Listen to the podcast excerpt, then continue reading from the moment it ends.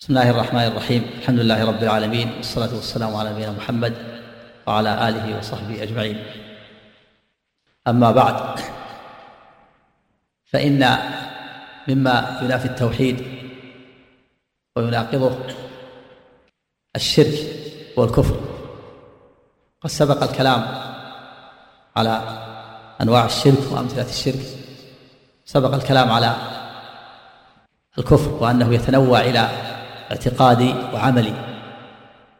وعرفنا أنواع الكفر الاعتقادي وأن كلها من تنافي التوحيد وتناقضه بالكلية. وأما الكفر العملي فهو يتنوع أيضا إلى نوعين.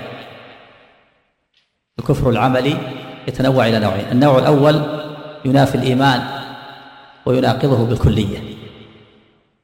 والنوع الثاني ينافي كماله الواجب.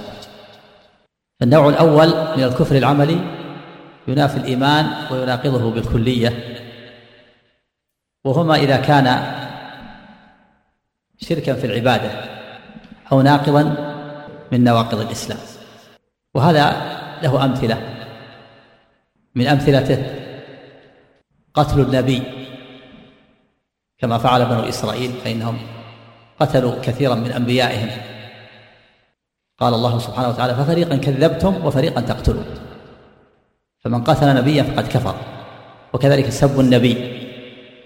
من سب نبيا فقد كفر أو سب الله أو سب دين الله أو استهزأ بالله أو بكتابه أو برسوله أو بدينه أو بثوابه أو بعقابه. كفر لأن هذا ناقض من نواقض الإسلام.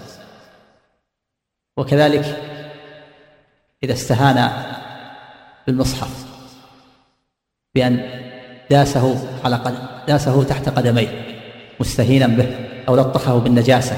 كفر. هذا كفر عملي والعياذ بالله. وكذلك من سجد للصنم أو للشمس أو للقمر فقد كفر. فإذا فعل فإذا فعل ناقضا من نواقض الإسلام فإنه يكفر ونواقض الإسلام كثيرة. قد ذكرها العلماء وبوبوا لها في كل مذهب من من المذاهب المالكية والشافعية الحنفية والحنابلة كلهم يبوبون في كتب الفقه باب يسمونه باب حكم المرتد وهو الذي يكفر بعد إسلامه. ومن ذلك نواقض الإسلام العشرة التي ذكرها الشيخ الإمام محمد بن عبد الوهاب رحمة الله عليه وهي الشرك بالله. فمن فعل أي نوع من أنواع الشرك التي سبق أمثلتها استعرضناها فقد انتقض دينه وإسلامه. الثاني من جعل بينه وبين الله وسائط. يسألهم قضاء الحاجات أو الشفاعة أو يتوكل عليهم كفر إجماعا. الثالث من شك في كفر المشركين أو اليهود أو النصارى أو الوثنيين من شك في كفرهم. من, لا من, من لم يكفرهم؟ أو شك في كفرهم؟ أو صحح مذهبهم؟ فهو كافر مثلهم فهو كافر مثلهم إذا لم يكفر لو قال اليهود والنصارى ما ما أقول فيهم شيء. هذه كلها أديان اليهود والنصارى والمسلمين. ما ما ما أحكم فيهم بشيء. أنا أعبد الله ولا أحكم فيهم بشيء. يكفر. لا بد أن يحكم عليهم بالكفر. من لم يكفر اليهود أو النصارى أو المشركين أو شك في كفرهم حتى مجرد الشك أو صحح مذهبهم كفر. الرابع من اعتقد أن هناك هديا أكمل من هدي النبي صلى الله عليه وسلم فإنه يكفر. قال هناك هدي هدي فلان من الناس رجل قادياني مثلا أو غير القادياني أو حتى من الصحابة أو من التابعين. قال هناك هدي أكبر من هدي النبي صلى الله عليه وسلم كفر. الرابع من أبغض شيئا مما الخامس من أبغض شيئا مما جاء به الرسول صلى الله عليه وسلم. من أبغض شيئا مما جاء به الرسول عليه الصلاة والسلام. بعد علمه ومعرفته الشريعة فإنه يكفر. قال الله سبحانه وتعالى ذلك بأنهم كرهوا ما أنزل الله فأحبط أعمالهم. السادس من استهزأ بشيء من دين الرسول صلى الله عليه وسلم أو ثوابه أو عقابه كفر. وكذلك إذا استهزأ إذا استهزأ بشيء من دين الإسلام أو استهزأ بالله أو بكتابه أو برسوله كفر. قال الله تعالى قل أب الله وآياته ورسوله كنتم تستهزئون لا تعتذروا قد كفرتم بعد إيمانكم. السابع مظاهرة المشركين ومعاونتهم على المسلمين بالرأي أو بالسلاح أو بالمال. إذا ساعد المشركين الكفار على المسلمين ساعدهم أو عاونهم على المسلمين بالمال أو بالسلاح أو بالرأي كفر. يقول الله تعالى ومن يتولهم منكم فإنه منهم.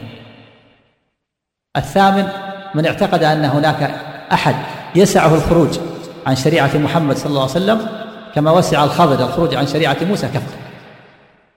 من قال هناك أحد يجوز له أن يخرج عن شريعة محمد صلى الله عليه وسلم كفر.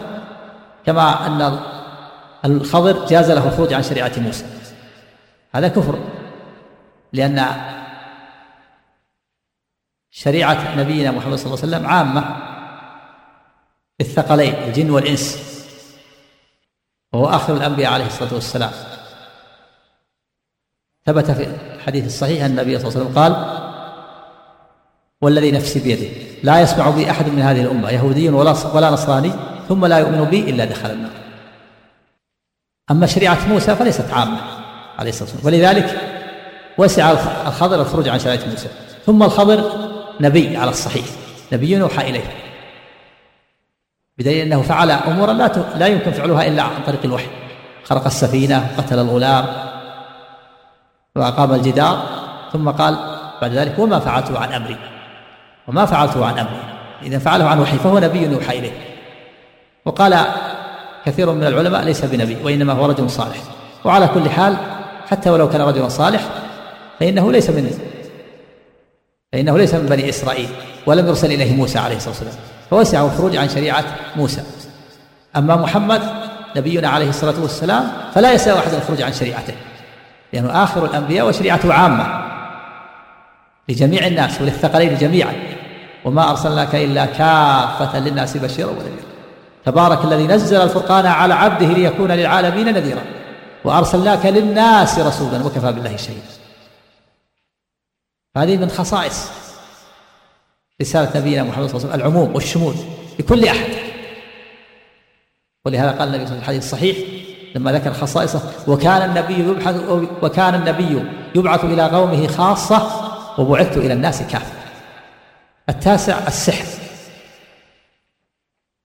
فمن تعلمه أو علمه أو رضي به كفر. قال الله تعالى وما ومن ذلك الصرف والعطف. داخل في السحر. قال الله تعالى وما يعلمان من أحد حتى يقولا إنما نحن فتنة فلا تكفر. أي فلا تكفر بتعلم السحر. العاشر الإعراض عن دين الله. لا لا يتعلمه ولا يعبد الله. قال الله تعالى والذين كفروا عما أنذروا عما أنذروا معرضون. وقال سبحانه ومن أظلم ممن ذكر بآيات ربه ثم أعرض عنها إنا من المجرمين منتقمون. ونواقض الإسلام كثيرة ليست محصورة في هذه العشر. فمن فعل ناقضا من نواقض الإسلام فإنه يكفر. سواء كان عملا أو اعتقادا أو قولا أو شكا يكون الاعتقاء يكون الكفر يكون بالقول ويكون بالفعل ويكون بالاعتقاد ويكون بالشك. يكون بالقول إذا تكلم بكلمة الكفر. إذا سب الله أو سب الرسول أو سب الدين الإسلامي كفر. أو استهزأ بالله أو بكتابه أو برسوله. ومن ذلك ما قص الله تعالى علينا في كتابه. في وصف بعض الناس. يحلفون بالله ما قالوا ولقد قالوا كلمة الكفر وكفروا بعد إسلامهم إذن أثبت لهم كفرا بعد الإسلام بسبب كلام كلمة. يحلفون بالله ما قالوا ولقد قالوا كلمة الكفر وكفروا بعد إسلامهم وفي غزوة تبوك تكلم أناس بكلام على وجه المزح واللعب. وقالوا إن هؤلاء القراء يعنون الرسول صلى الله عليه وسلم والصحابة هم أكثر الناس أكل يأكلون كثير ويكذبون ويجبنون عند اللقاء. قالوا ما رأينا مثل قرائنا هؤلاء أرغب بطونا ولا أكذب ألسنا ولا أجبن عند اللقاء. يعنون رسول الله صلى الله عليه وسلم وأصحابه القراء. فأنزل الله تعالى هذه الآية. قل أب الله وآياته ورسوله كنتم تستهزئون لا تعتذروا قد كفرتم بعد إيمانكم. فأثبت لهم كفرا بعد الإيمان. ويكون الكفر فعل كالسجود للصنم والاستهانة بالمصحف تلطيخ بالنجاسة. ويكون شك شك إذا شك في البعث أو شك في الجنة أو شك في النار. أو شك في صدق الرسول عليه الصلاة والسلام أو شك في وجود الملائكة أو شك في وجود الجن كفر. بهذا الشك. ويكون الكفر اعتقاد بالاعتقاد. إذا اعتقد أن لله صاحبة أو لله ولد أو له شريك أو أن هناك أحد يستحق العبادة مع الله فهذا كفر ورد إذن الكفر يكون بالقول ويكون بالفعل ويكون بالشك ويكون بالاعتقاد. هذه كلها أنواع من أنواع الكفر. من أنواع الكفر ونواقض الإسلام من اعتقد أن هناك نبي بعد الرسول عليه الصلاة والسلام. أو قال إن محمد صلى الله عليه وسلم ليس خاتم النبي بعده نبي. أو قال إن محمد صلى الله عليه وسلم رسالته خاصة بالعرب ليست لجميع الناس. كفر. لأنه مكذب لقول الله تعالى ما كان محمد أبا أحد من رجالكم ولكن رسول الله وخاتم النبي. ولهذا قاتل الصحابة بني حنيفة وهم يصلون ويؤذنون ويلتزمون بشرائع الإسلام لأنهم قالوا إن سمعوا منهم كلمة واحدة وهو أنهم قالوا إن مسيلمة نبي. فلما رفعوا مسيلمة إلى رتبة النبوة ومقام النبوة كفروا أجمع الصحابة على كفرهم وقتالهم فقاتلوه ومن ذلك أيضا الصحابة علي علي رضي الله عنه الصحابة قاتلوا الخوارج الذين غلوا فيه ورفعوه إلى مقام الألوهية. فخد لهم أخاديد وأضربها وأججها نارا ثم أحرقهم وألقاهم فيها بسبب غلوهم وهم كانوا يصلون ويصومون ويتعلموا العلم من الصحابة لأنهم فعلوا ناقض من الإسلام. كل من غلا في شخص وجعل فيه نوعا من الإلهية أنه يستحق أن أن يعبد أو يدعى من دون الله أو يذبح له أو ينذر له أو أنه يتصرف في الكون كفر إجماع. ومن ذلك ما فعله بنو عبيد القداح في القرن الثالث الهجري وآخر القرن الثالث وأول القرن الرابع. حينما ملكوا مصر والمغرب وهم يصلون ويصلون الجمعة والجماعة ويخطب لهم على المنابر لكن لما أظهروا شيئا من نواقض الإسلام أجمع العلماء على كفرهم. وقاتلهم المسلمون واستنقذوا ما بأيديهم من بلاد المسلمين بسبب ما يعتقدونه من الرفق وهو الغلو في آل البيت فمن فمن اعتقد من الرافضة أن أحدا من آل البيت يستحق شيئا من العبادة أو أن يتصرف في الكون أو أن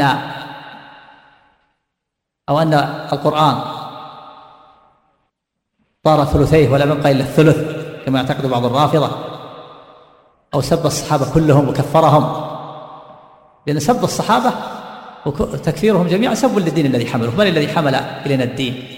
إذا كان الصحابة الذي حملوا الدين كفار كيف يوثق بهذا الدين؟ وقد استنبط الإمام مالك رحمه الله كفر من سب الصحابة جميعا من قول الله تعالى في سورة الفتح في وصف الصحابة ليغيظ بهم الكفار. قال من أغاظه الصحابة فهو كافر بنص القرآن. هذه كلها نواقض نواقض الإسلام. لا بد للمسلم ولا سيما طالب العلم الاعتناء بها ومراجعتها دائما وابدا. إذا فعل ناقض من نواقض الإسلام كفر. وانتقض إسلامه ودينه ولا ينفعه ما كان يفعله. من الصلاة والصوم والحج إلا إذا تاب. إذا تاب قبل الموت قبل بلوغ الروح إلى الحكوم من تاب تاب الله عليه. فهذه الأنواع ف... فاذا الكفر العملي ينقسم إلى قسمين أو تنوع إلى نوعين. النوع الأول ينافي الإيمان والتوحيد بالكلية. وهما إذا كان العمل شركا في العبادة أو نواقض أو ناقضا من نواقض الإسلام. سواء كان هذا الناقض قولا أو فعلا أو عقيدة اعتقاد أو شك. القسم الثاني أو النوع الثاني من الكفر العملي كفر لا يخرج من الملة. كفر لا يخرج من الملة. ومن ذلك من أيضا الكفر من القسم الأول الذي يخرج من الملة. من أمثلة ذلك من قال مطرنا بنوء كذا أو بنجم كذا معتقدا أن للنجم تأثيرا في إنزال المطر. فإن النبي صلى الله عليه وسلم سماه كفرا. لما ثبت في الصحيحين من حديث زيد بن خالد الجهني رضي الله عنه قال صلى لنا رسول الله صلى الله عليه وسلم صلاة الصبح بالحديبية على إثر سماء كانت من الليل. فلما انصرف أقبل علينا بوجهه فقال هل تدرون ماذا قال ربكم الليلة؟ قلنا الله ورسوله أعلم. قال قال أصبح من عبادي مؤمن بي وكافر فأما من قال مطرنا بفضل الله ورحمته فذلك مؤمن بي كافر بالكوكب. وأما من قال مطرنا بنوء كذا وكذا فذلك كافر بي مؤمن بالكوكب. فإذا قال مطرنا بنوء كذا وبنجم كذا فهو كافر بالله مؤمن بالكوكب.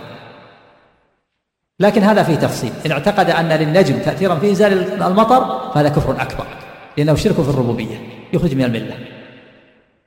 أما إذا اعتقد أن المنزل المطر هو الله ولكن النجم سبب فهذا شرك أصغر لأن النجم ما هو بسبب ما جعله الله سببا النجم مخلوق مسخر ليس بيده من الأمر شيء. وليس ولم يجعله الله سببا في إنزال المطر. فإذا اعتقد أنه سبب في إنزال المطر أشرك شرك أصغر وإذا اعتقد أن النجم له تأثير هذا كفر أكبر شرك أكبر. وينبغي أن يعلم أن كل مشرك فهو كافر وكل كافر فهو مشرك. كل مشرك كافر وكل كافر مشرك. لكن اسم الكفر أخص بالجحود. الذي يجحد لأن المعنى اللغوي للكفر هو الجحود. كفر بما جحد وستر. ويسمى الزارع كافر لأنه يستر الزرع من جهة اللغة. يستر الزرع حينما يستر البذر. حينما يبذر يسترها بالأرض. فيسمى كافر لأنه جحد توحيد الله. وجحد حق الله. ويسمى مشرك لأنه عبد الهوى والشيطان. إذا سب الله وسب الرسول يسمى مشرك. يسمى مشرك لأنه عبد الهوى. عبد هواه وشيطانه ويسمى كافر لأنه جحد توحيد الله وجحد حق الله. كل كافر هو مشرك وكل مشرك كافر. أما النوع الثاني من أنواع الكفر العملي الذي لا يخرج من الملة فهو كل ما ورد من الذنوب تسميته كفرا ولم يصل إلى حد الكفر الأكبر. ليس شركا في العبادة ولا ناقضا من نواقض الإسلام. وإنما هو ذنب من الذنوب ورد في النصوص تسميته كفر. فهذا يكون كبيرة من الكبائر. لا يخرج من الملة. ولا يخلد صاحبه في النار إذا مات عليه غير توبة. ولا يحبط الأعمال. بل هو تحت مشيئة الله. كبيرة من الكبائر. إن شاء الله غفره غفر له لصاحبه وإن شاء عذبه. قال الله تعالى إن الله لا يغفر أن يشرك به ويغفر ما دون ذلك لمن يشاء. ولهذا أمثلة في الكفر العملي الذي لا يخرج من الله له أمثلة. من أمثلته قتال المسلمين بعضهم مع بعض. قتال المسلمين بعضهم مع بعض. قد ثبت في الصحيحين أن النبي صلى الله عليه وسلم لما خطب الناس في حجة الوداع قال في خطبته لا ترجعوا بعدي كفارا يضرب بعضكم رقاب بعض. لا ترجعوا بعدي كفارا يضرب بعضكم رقاب بعض. فسمى قتال المسلمين بعضهم مع بعض. كفر. فهو كفر عملي. إلا إلا من استحل إذا استحل قتال أخيه ورآه حلالا هذا كفر كفر أكبر. لكن إذا كان من أجل الهوى وطاعة الشيطان فهذا يكون كفر عملي. ذنب. إذا قاتل للهوى طاعة للهوى والشيطان. أما إذا قتل مستحل يرى أن قتال المسلمين حلال يكفر. كفر أكبر. يخرج من الملة. وكذلك قتال المسلم ولو كان واحدا. مقاتلة المسلم هذه من الأعمال الكفرية. أما سب المسلم هذا فسوق. سب المسلم فسوق. وقتاله من الأعمال الكفرية. قال عليه الصلاة والسلام سباب المسلم فسوق وقتاله كفر. سباب المسلم فسوق وقتاله كفر. إلا إذا استحل قتل أخيه إذا استحل قتل أخيه المسلم كفر. كفرا أكبر يخرج من الملة أما إذا لم يستحله وإنما قاتل طاعة للهوى والشيطان فهذا يكون كفر أصغر لا يخرج من الملة. ومن أمثلة الكفر الأصغر أن يرمي أخاه بالكفر يقول يا كافر. هذا من الأعمال الكفرية كفر أصغر. لما ثبت في الحديث النبي صلى الله عليه وسلم قال إذا قال الرجل لأخيه يا كافر فقد باء بها أحدهما. إذا قال الرجل لأخيه يا كافر فقد باء بها أحدهما. وثبت في الحديث الآخر أن الإنسان إذا رمى أخيه رمى أخاه بالكفر أو لعنه فإنها تصعد إلى السماء. ثم ترجع إلى الذي لعن أو رمي بالكفر. فإن كان أهلا لها وقعت عليه. وإن لم يكن أهلا لها رجعت إلى الذي قالها وتكلم بها. وهذا يفيد الحذر. ينبغي الإنسان أن يحذر شر اللسان. ومن أمثلة الكفر العملي إتيان المرأة في دبرها. إتيان المرأة في دبرها. إذا أتى زوجته في دبرها الجماع في الدبر حرام وهو من الأعمال الكفرية.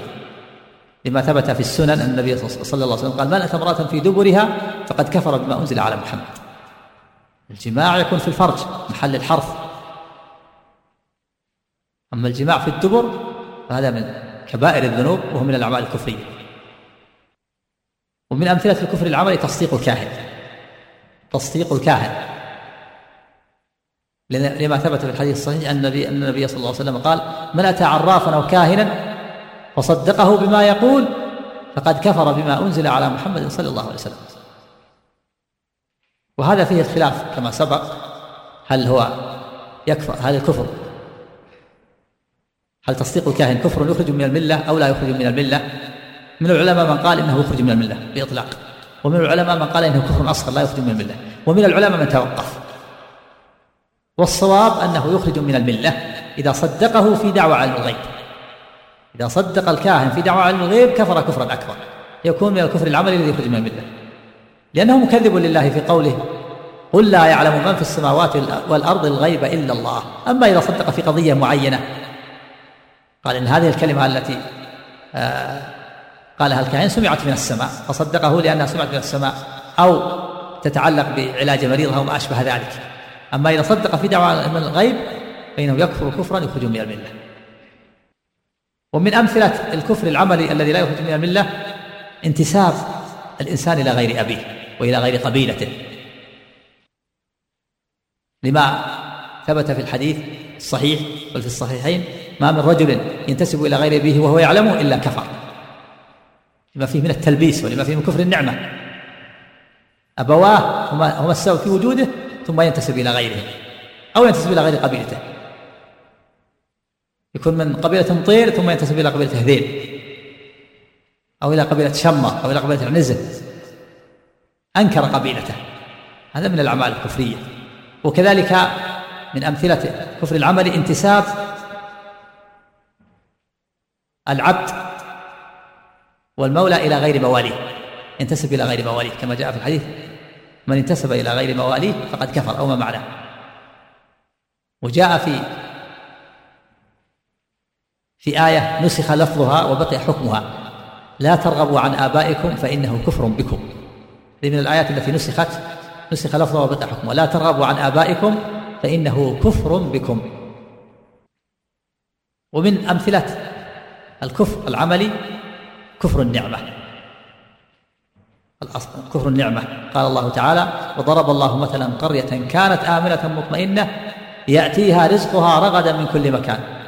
فكفرت بأنعم الله فأذاقها الله لباس الجوع والخوف بما كانوا يصنعون. ومن أمثلة الكفر العملي الحكم بغير ما أنزل الله. الحكم بغير ما أنزل الله. قال الله تعالى ومن لم يحكم بما أنزل الله فأولئك هم الكافرون.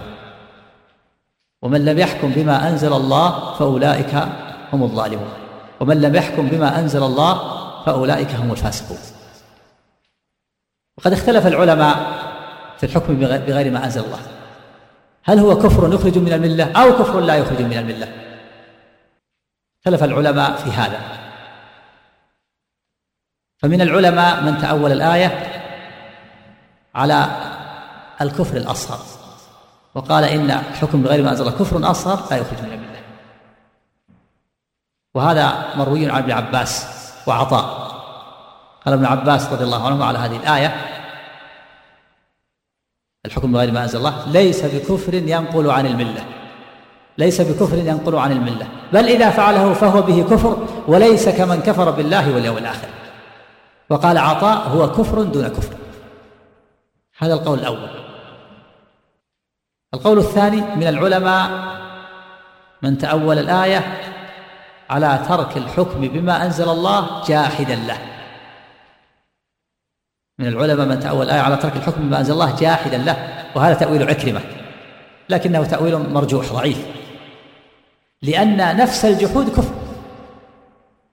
لأن جحود نفس الجحود كفر سواء حكم أو لم يحكم. إذا جحد ما أنزل الله كفر. ولو لم يحكم.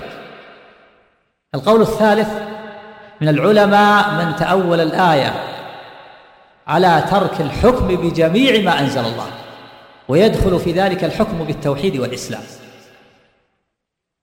فيكون كفرا أكبر. وهذا تأويل عبد العزيز الكناني. وهذا أيضا القول قول ضعيف تأويل مرجوح. لأن الله سبحانه وتعالى توعد من حكم بغير ما أنزل الله وهو يتناول الحكم بجميعه أو ببعضه. الوعيد يتناول الحكم يتناول الوعيد على ترك الحكم بالمنزل من عند الله وهو يتناول تعطيل الحكم بجميعه أو ببعضه. الرابع من العلماء من تأول الآية على الحكم بمخالفة النص عمدا. من العلماء من تأول الآية على الحكم بمخالفة النص عمدا من غير جهل به ولا خطأ في التأويل. حكى هذا القول البغوي عن العلماء. وهذا أيضا وفيكون كفرا أكبر. وهذا أيضا تأويل مرجوح. لأن هذا تقييد ليس عليه دليل. القول السادس من العلماء من تأول الآية في أهل الكتاب وقال إن هذه الآية خاصة بأهل الكتاب ومن لم يحكم ما أنزل الله من أهل الكتاب فأولئك هم الكافرون. وهذا تأويل أيضا مرجوح وهو قول قتادة والضحاك وهو تأويل مرجوح لأنه خلاف ظاهر اللفظ فلا يصار إليه إلا بدليل ولأن العبرة بعموم اللفظ والآية عامة. القول السادس ومن العلماء من أخذ بإطلاق الآية وقال إن الحكم بغير ما أنزل الله كفر أكبر ينقل عن الملة مطلقا. والتحقيق في هذه المسألة والصواب هذه ستة أقوال لأهل العلم. والتحقيق والصواب في هذه المسألة أن الحكم بغير ما أنزل الله يتناول الكفرين الأصغر والأكبر وذلك بحسب حال الحاكم. بحسب حال الحاكم. فقد يكون الحكم بغير ما أنزل الله. كفرا أكبر وقد يكون كفرا أصغر بحسب حال الحاكم. فإذا حكم الحاكم بغير ما أنزل الله من الآراء والقوانين الوضعية معتقدا أن الحكم بغير ما أنزل أن الحكم بما أنزل الله غير واجب وأنه يجوز له أن يحكم بالآراء والقوانين أو أو أنه مخير مخير بين أن يحكم بالآراء والقوانين وبين أن يحكم بما أنزل الله. فهذا كفر أكبر يخرج من الملة وسواء حكم بالقوانين والآراء معتقدا أنها أحسن من الحكم بما أنزل الله أو مماثلة للحكم بما أنزل الله أو أقل من الحكم بما أنزل الله وأن الحكم بما أنزل الله أحسن. ما دام يرى أنه يجوز الحكم بالقوانين والآراء الوضعية. والآراء بالقوانين الوضعية والآراء. إذا كان يرى ذلك فإنه يكفر كفرا أكبر يخرج من الملة. سواء اعتقد القوانين والآراء مماثلة لحكم بما أنزل الله مساوية أو أحسن أو أقل. وكذلك لو استهان بحكم الله مع تيقنه مع مع تيقنه أنه حكم الله. أما إذا لم يعتقد جواز الحكم بما أنزل الله فإنه وحكم بغير ما أنزل الله طاعة للهوى والشيطان فإن فإنه يكفر كفرا أصلا لا يخرج من الملة. وعلى ذلك فيكون الحاكم بغير ما أنزل الله ممن يحكم بالآراء والقوانين الوضعية له أحوال. الحالة الأولى أن يحكم بالآراء والقوانين الوضعية معتقدا أنها أحسن من الحكم بالله. وأن الحكم بما أنزل الله لا يناسب العصر الحاضر. وإنما يناسبه القوانين الحكم بالآراء والقوانين الوضعية. فهذا كفر أعظم. هذا من أعظم الكفر. هذا أعظمها. قال الشيخ محمد شاكر رحمه الله محمد أحمد شاكر وهذا مثل ما ابتلي به الذين درسوا القوانين الأوروبية من رجال الأمم الإسلامية ونسائها. الذين أشربوا في قلوب في قلوبهم حبها والشغف بها. والذب عنها فأذاعوها وحكموا بها بما ربوا من تربية أساسها صنع المبشرين الهداميين الهدامين أعداء الإسلام. ومنهم من يصرح ومنهم من يتوالى ومنهم من يصرح ومنهم من يتوارى. فإنا لله وإنا إليه راجعون. إذا هذا مثال يمثل الشيخ محمد أحمد شاكر رحمه الله. هؤلاء الذين درسوا القوانين الأوروبية وأذاعوها وحكموا بها ونشروها هذا أعظم الناس كفرا. الحالة الثانية أن يحكم بالآراء والقوانين الوضعية معتقدا أنه يجوز الحكم بها ويجوز الحكم بما أنزل الله فهو مخير. ويعتقد أن الحكم بالآراء والقوانين مماثل للحكم بالشريعة فهما على حد سواء. مخير بين أن يحكم بهذا بالآراء والقوانين الوضعية أو يحكم بالشريعة. هذا كافر كفر أكبر بهذا بهذا الاعتقاد. الحالة الثالثة أن يحكم بالآراء والقوانين الوضعية معتقدا أن الحكم بما أنزل الله أحسن وأفضل من الحكم بالآراء والقوانين الوضعية لكن لا مانع من الحكم بالآراء والقوانين الوضعية. يجوز يجوز الحكم بالآراء والقوانين الوضعية وإن كانت الحكم بالشريعة أحسن لكن لا مانع من الحكم بالآراء والقوانين الوضعية. هذا كفر أكبر لأنه جوز الحكم بغير ما أنزل الله واستحله ومثله في ذلك مثل من يستحل الزنا. مثل واحد يقول الزنا حلال لكن لا لا أزني. كافر.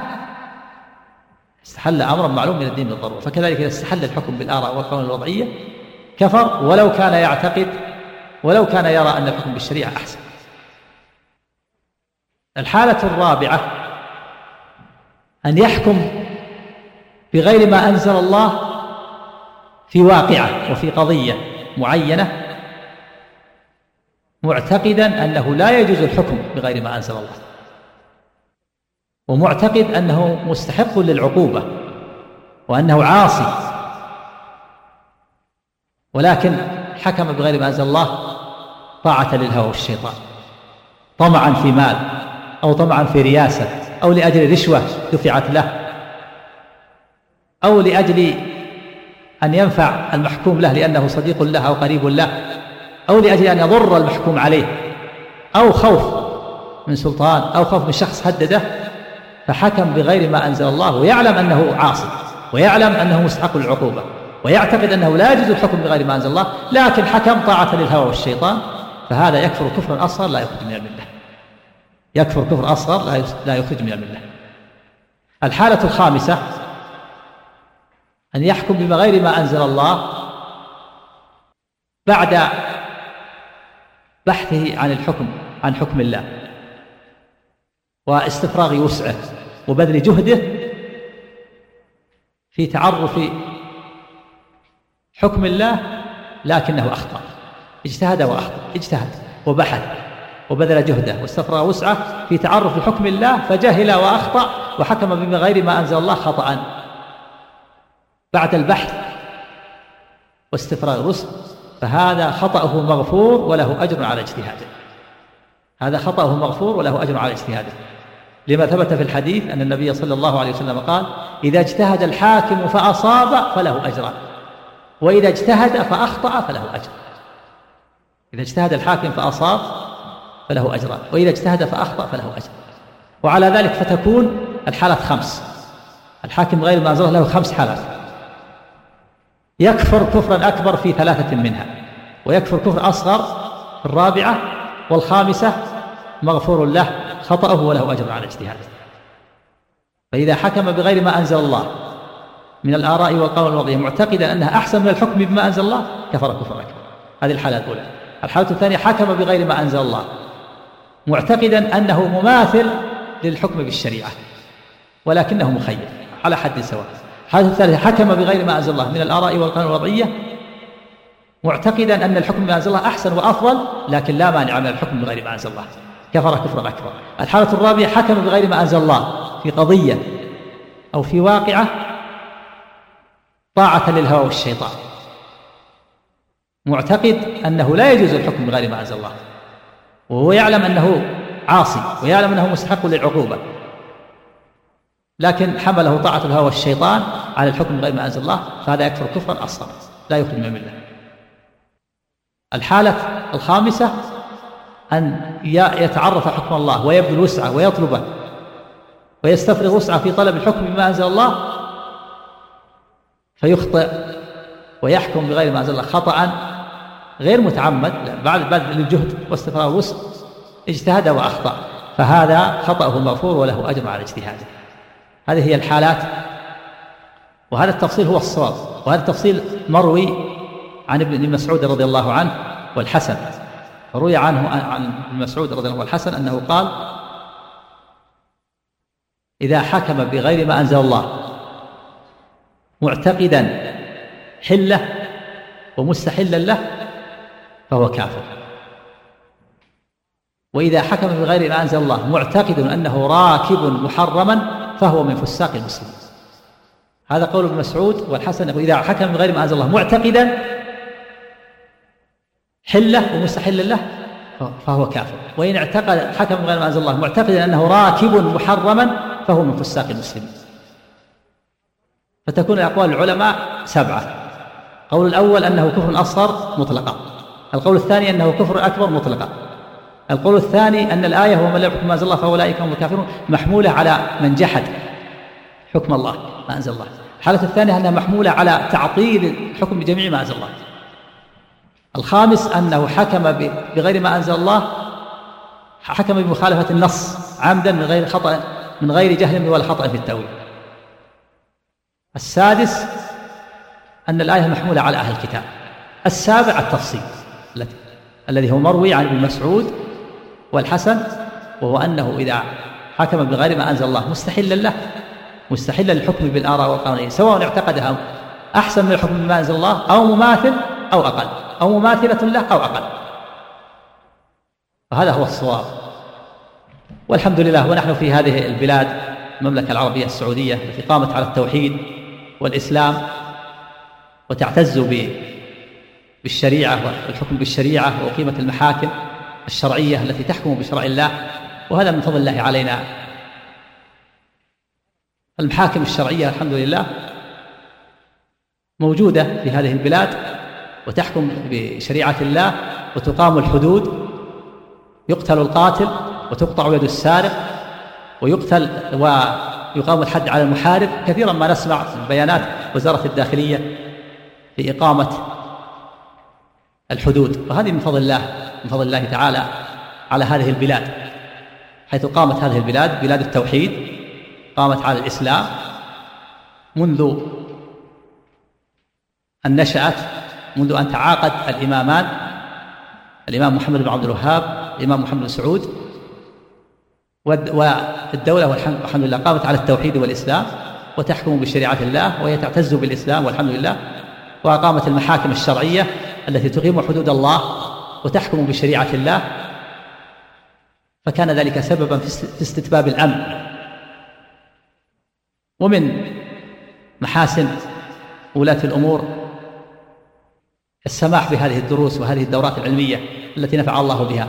فنسأل الله سبحانه وتعالى أن يوفق ولاة أمورنا في هذه البلاد لكل خير وأن يوفقهم للعمل الصالح الذي يرضيه وأن يزيدهم من الهدى والتوفيق وأن يصلح لهم البطانة وأن يريهم الحق حقا ويرزقهم اتباعه وأن يريهم الباطل باطلا ويرزقهم اجتنابه. وأن يجعلنا من أعوانهم وأنصارهم في الحق. إنه على كل شيء قدير وصلى الله وسلم وبارك على عبده ورسوله نبينا محمد وعلى آله وصحبه أجمعين. بسم الله الرحمن الرحيم. الحمد لله رب العالمين وصلى الله وسلم على نبينا محمد وعلى آله وصحبه أجمعين. أما بعد هذا سائل يقول ظهرت شبهة متأخرة وأيدت بالأدلة وهي أنه لا يخرج من الإسلام إلا من كفر كفرا اعتقاديا قلبيا. فكيف يرد على على هؤلاء؟ نرجو التفصيل في هذه المسألة. وسؤال يماثله أيضا. يقول قد انتشر في هذا الوقت اناسا يقولون إن الكفر لا بد فيه من الاعتقاد وأن الكفر محصور في التكذيب والاستكبار وأن الإنسان لو سجد للصنم لأجل مال فإنه لا يكفر وكذلك لو سب الله ورسوله فإنه لا يكفر حتى يعتقد. ويقولون على الآية التي نزلت في حكم السب أنها مخصوصة في المنافقين. وأيضا يقولون إن السب علامة على الكفر لا أنه كفر. فهل هذا القول هو قول لأهل السنة؟ نرجو التوضيح والبيان لأنه قد خرج في ذلك مؤلفات وله أتباع قد يكثرون. هذا هذا هذا القول قول فاسد وهو مخالف لمعتقد أهل السنة والجماعة. قد سمعتم أن الصحابة رضوان الله عليهم أجمعوا على قتال بني حنيفة لأنهم قالوا ان مسلمه نبي فقط ولا هم اعتقاد يؤذنون ويصلون ويصومون. وكذلك كما سمعتم قول الله تعالى في الذين تكلموا بكلمة الكفر. وليحلفون بالله ما قالوا ولقد قالوا كلمة الكفر وكفروا بعد إسلامهم كلمة قالوها. وكذلك الذين في غزوة تبوك تكلموا بكلمة قالوها على وجه المزح واللعب وجاءوا يعتذرون إلى النبي صلى الله عليه وسلم. أنزل الله هذه الآية. قل أب الله وآياته ورسوله كنتم تستهزئون. لا تعتذروا قد كفرتم بعد إيمانكم. فأثبت لهم كفرا بعد الإيمان.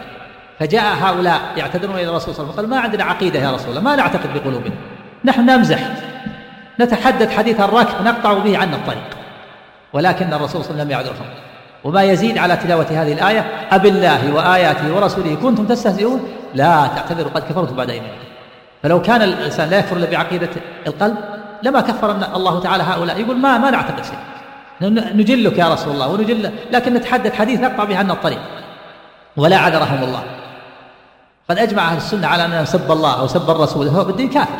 قبل مجيء هؤلاء. هذا مجمع عليه من قبل السنة والجماعة. وكذلك لشيخ الإسلام رحمه الله مؤلف في هذا سمى الصارم المسلول على شاتم الرسول. هذا كلام ليس بصحيح. فل فل فالكفر يكون بالتكذيب والجحود ويكون بالإباء والاستكبار ويكون بالإعراض عن دين الله ويكون بالشك كما سمعتم. يكون بالقول ويكون بالفعل ويكون بالعقيدة ويكون بالشك. هذا وأيضا الاعتقاد لا بد منه. الاعتقاد ما لا بد يحصل اعتقاد. لأن الإنسان إذا سجد للصنم لابد اعتقاد. ما سجد إلا تعظيما له. ولو قال إنه يحترم ولو قال إنه ما يعبده يكون كفر. ما دام إنه قصد السجود له يكون هناك قصد يعني لابد كان هناك قصد. أما إذا لم يكن هناك قصد هذا شيء آخر. لو إنسان وضع جبهة ليستريح. ما قصد السجود للصنم هذا ما يكفر. لكن لو سجد للصنم قال أنا ما أعبده لكن أقصد قاصد الصنم كفر. إذا قصد السجود له كفر. ولهذا الصوفية بعض الصوفية يسجدون للشيوخ. فإذا سألت قال هذا ليس سجود وإنما هو وضع الرأس قدام الشيخ احتراما له وتواضعا. ما دام قصد سجود الشيخ فهو كافر ولو اعتقد. فيقال كذلك أيضا من سجد للصنم أو للنجم فإنما وضع الرأس قدام الله احتراما له وتواضعا. المهم أن يكون هناك قصد. أما إن اشتراط الاعتقاد ما يشترط. يكفر إذا داس المصحف بقدميه.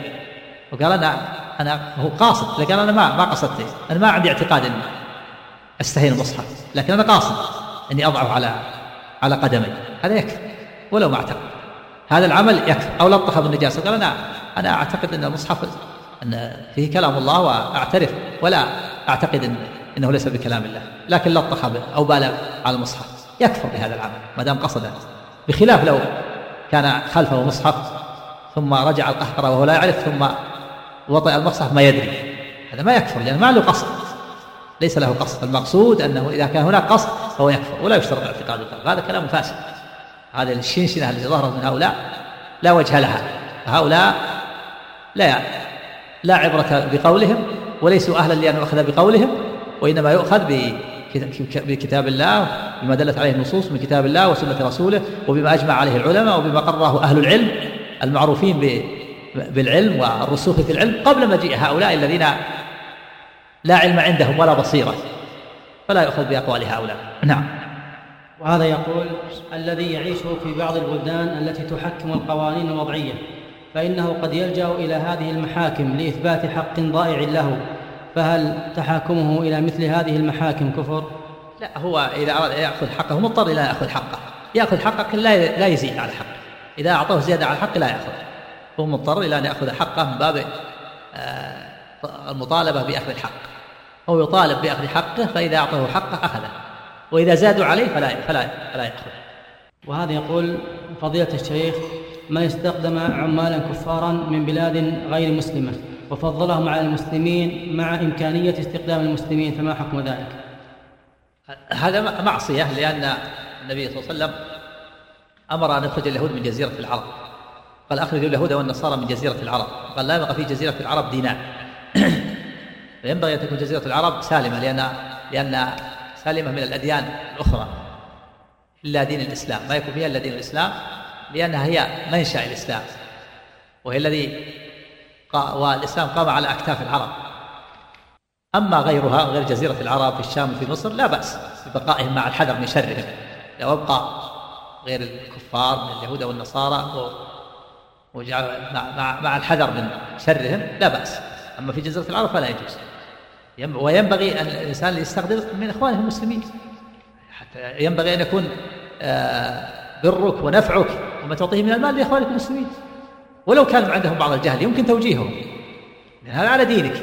يمكن أن توجهه بخلاف الكافر. فليس على دينك؟ والذي ليس على دينك ما يعينك. فلا ينبغي الإنسان أن يستخدم الكافر. وإذا فضل هذا يدل على ضعف إيمانه. بعض الناس عنده ضعف يقول غير غير المسلمين يقول أحسن. بعضهم يقول إنه إنه نشيط وإنه أنشط. هذا من استحواذ الشيطان والعياذ بالله. وبعضهم يقول لا يريد أن يشتغل وقت الصلاة. المسلم يذهب يصلي وهذا يشتغل. هذا يدل على ضعف وإذا فضل من أجل دينه كفر. إذا فضل العامل من أجل دينه فضله من أجل دينه كفر. أما إذا فضله من طاعة له والشيطان ومن أجل العمل حمله على ذلك حب المادة عشان يعمل في وقت الصلاة أو أو زعم أنه أنشط. من المسلم هذا فسق ومعصية ويدل على ضعف الإيمان. أما إذا فضله من أجل دينه فضله على المسلم من أجل دينه هذا كفر. والعياذ بالله. نعم. هذا كفر. إذا فضله من أجل دينه. فضل على المسلم وقال أنا أستخدم هذا لأن دينه أحسن. يعتقد هذا. هذا كفر وردة. ناقض من نواقض الإسلام. أما إذا فضل طاعة له الشيطان من أجل العمالة ومن أجل ما يتعلق بالعمل وما أشبه ذلك هذا معصية ويدل على ضعف الإيمان. وهذا يقول آه، ذكرت أن من سجد لصنم أو لشيء فقد كفر. فما تعليقكم على سجود معاذ بن جبل رضي الله عنه للنبي صلى الله عليه وسلم؟ هذا سبق أن قلنا إن هذا أولا لم يعلم بذلك ثم نهاه النبي صلى الله عليه وسلم فانتهى. ومثل ذلك قول الصحابة في غزوة حنين اجعل لنا ذات أنواط كما له ذات أنواط. ثم زجره النبي صلى الله عليه وسلم. فيه دليل على أن الإنسان إذا استنبط من ذلك الشيخ الإمام محمد بن الوهاب رسالة كشف الشبهات أن الإنسان إذا فعل الكفر ثم تاب من ساعته ونبه فلا يضره لأنه عن جهل. فالمقصود هذا عن جهل بين له النبي صلى الله عليه وسلم ونهى فانتهى. نعم. أما إذا سجد مع مع العلم مع القصد هذا يكفي. نعم. وهذا يقول ما الضابط الدقيق في التفريق بين الكفر المخرج من الملة وبين الكفر الأصغر؟ سبق قلنا إنه إذا كان شركا في العبادة أو ناقضا من نواقض الإسلام صار كفرا أكبر يناقض التوحيد والإيمان. أما إذا كان ذنب من المعاصي ذنب من الذنوب معصية ليست شركا في العبادة ولا ناقض من نواقض الإسلام ولكن سماها الشرع كفرا فهي كفر أصغر نعم.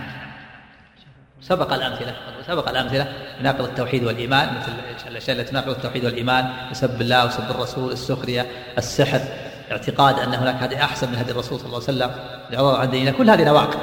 كان ضابطه يكون ناقض ناقض للتوحيد والإيمان كفر. أما إذا كان ما يصل إلى حد الناقض وليس شركا في العبادة وإنما معصية من المعاصي مثل آآ آه، آآ آه، مثل آآ آه، مثلا من أتى امرأة في دبرها ومثل ما سبق سباب المسلم فسوق وقتاله كفر مثل الطعن في النسب والنياحة على الميت.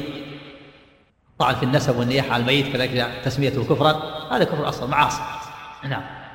وهذا يقول فضيلة الشيخ آه ذكرت في كفر في الكفر الذي لا يخرج من الملة انتساب الإنسان إلى غير أبيه وقبيلته فهل يدخل في ذلك من سافر مع قريب له لطلب العيش في بلد آخر؟ جاعلا هذا القريب أبا في كتابة اسمه في الجواز وكذلك من انتسب لغير قبيلته لأجل تعريفه من هذه القبيلة للحصول على جنسية هذا البلد. نعم نعم يدخل في هذا. يدخل في هذا. هذا من كفر النعمة. لا يجوز له أن ينتسب إلى غير أبيه. ولو كان لقصد يحصل على مال أو يحصل كذا. هذا من كفر النعمة. واجب عليه أن ينتسب إلى أبيه وليس له. وكذلك ينتسب إلى قبيلته. فإذا انتسب إلى قبيلته ولو لغرض ولو لأجل أن يأخذ مال. كل هذا من عمل كفري لا يجوز. معصية كبيرة. فلا يجوز للإنسان أن ينتسب إلى قريب ولا إلى غير قبيلته لأي غرض. لأجل الجنسية أو لأجل المال أو لأي غرض من الأغراض. فلا يجوز. بوجه بحال من الأحوال. ومن ذلك بعض الناس إذا التقط لقيط نسبه إليه وضمه إليه في التابعية أو في حافظة النفوس. هذا ما يجوز أن يضمه إليه ويكون مع أولاده. هذا نسبه إلى غير أبيه اللي يجعل له آه، بطاقة خاصة ولا ينسبه إلى أولاده. اللقيط ما ينسب لأنه يترتب عليه مفاسد. في المستقبل قد يكون من أولاده فيرثه ولا تتحجب عنه بناته وهن أجانب منه. ويحصل يترتب على هذا مفاسد عظيمة فلا يجوز الإنسان أن ينسب إلى نفسه أحدا من غير أولاده تابعية ولا في حفظة النفوس. هذا حرام عليه. وليجعل له بطاقة خاصة إذا ربى لقيط أو غيره يجعل له بطاقة خاصة. نعم. ويسميه مثلا عبد الله ابن كذا أو عبد الله أو عطاء الله يسميه. يسميه باسم. عطاء الله ابن ابن عبد الله. لأن كل الناس عبيد لله. يسميه باسم خاص عام. ولا ينسبه إلى نفسه. نعم.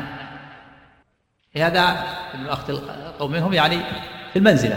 المنزلة والكرامة. نعم. ليس الم... هذا ما يدل ما, ما في نسبة. ولهذا قسمها ابن أخت القوم. نسبه إلى أنه ابن أخته. وهذا يقول ما حكم من اشتغل بالمحاماة في المحاكم التي لا تحكم بما أنزل الله؟ إذا كان يعلم أنها لا تحكم الشريعة ثم إذا هذا مسألة في الذي يظهر لي والله في تفصيل. إن كان إنسان مظلوم يحامي عنه حتى يأخذ حقه ولا يزيد على حقه هذا لا بأس. أما إذا كان يحامي يحامي حتى يعطيه غير حقه حتى في المحاكم الشرعية المحامي المحاكم في المحاكم الشرعية إذا كان يعلم أنه مبطل ويحامي عنه فهذا آثم. المحامي يجب عليه يجب على المحامي أن يحامي بالحق. إذا كان يعلم أن هذا له حق يحامي عنه لا بأس. إذا كان يعلم أنه مبطل ثم يحامي عنه فهذا حرام عليه. حتى في المحاكم الشرعية فكيف في المحاكم المحاكم القانونية إذا كان يحامي عنه لأنه مظلوم حتى يعطى حقه لا بأس ولا يزيد على حقه. أما إذا كان يحامي عنه حتى يأخذ أكثر من حقه أو يحامي عنه بالباطل ويعين المحاكم القانونية على الباطل فهذا حرام عليه. وإذا استحل ذلك كفر أما إذا لم يستحل يكون عاصي. نعم. والله أعلم وصلى الله على نبينا محمد وعلى آله وصحبه أجمعين. وفق الله الجميع لطاعته ورزق الله الجميع العلم النافع والعمل الصالح وصلى الله على محمد وآله وصحبه وسلم.